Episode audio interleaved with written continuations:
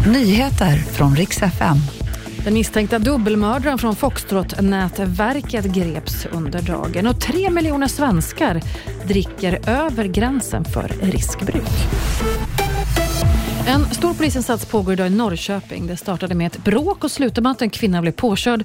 Polisen har nu gripit en kvinna i 25-årsåldern som misstänks för grov misshandel eftersom man misstänker att hon körde på henne med avsikt och den påkörda kvinnan har förts till sjukhus.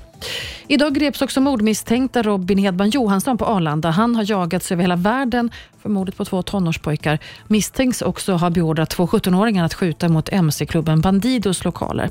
Flera poliser väntade på honom på Arlanda idag och grep honom på plats. Han har nu förts till Kronoberg för förhör.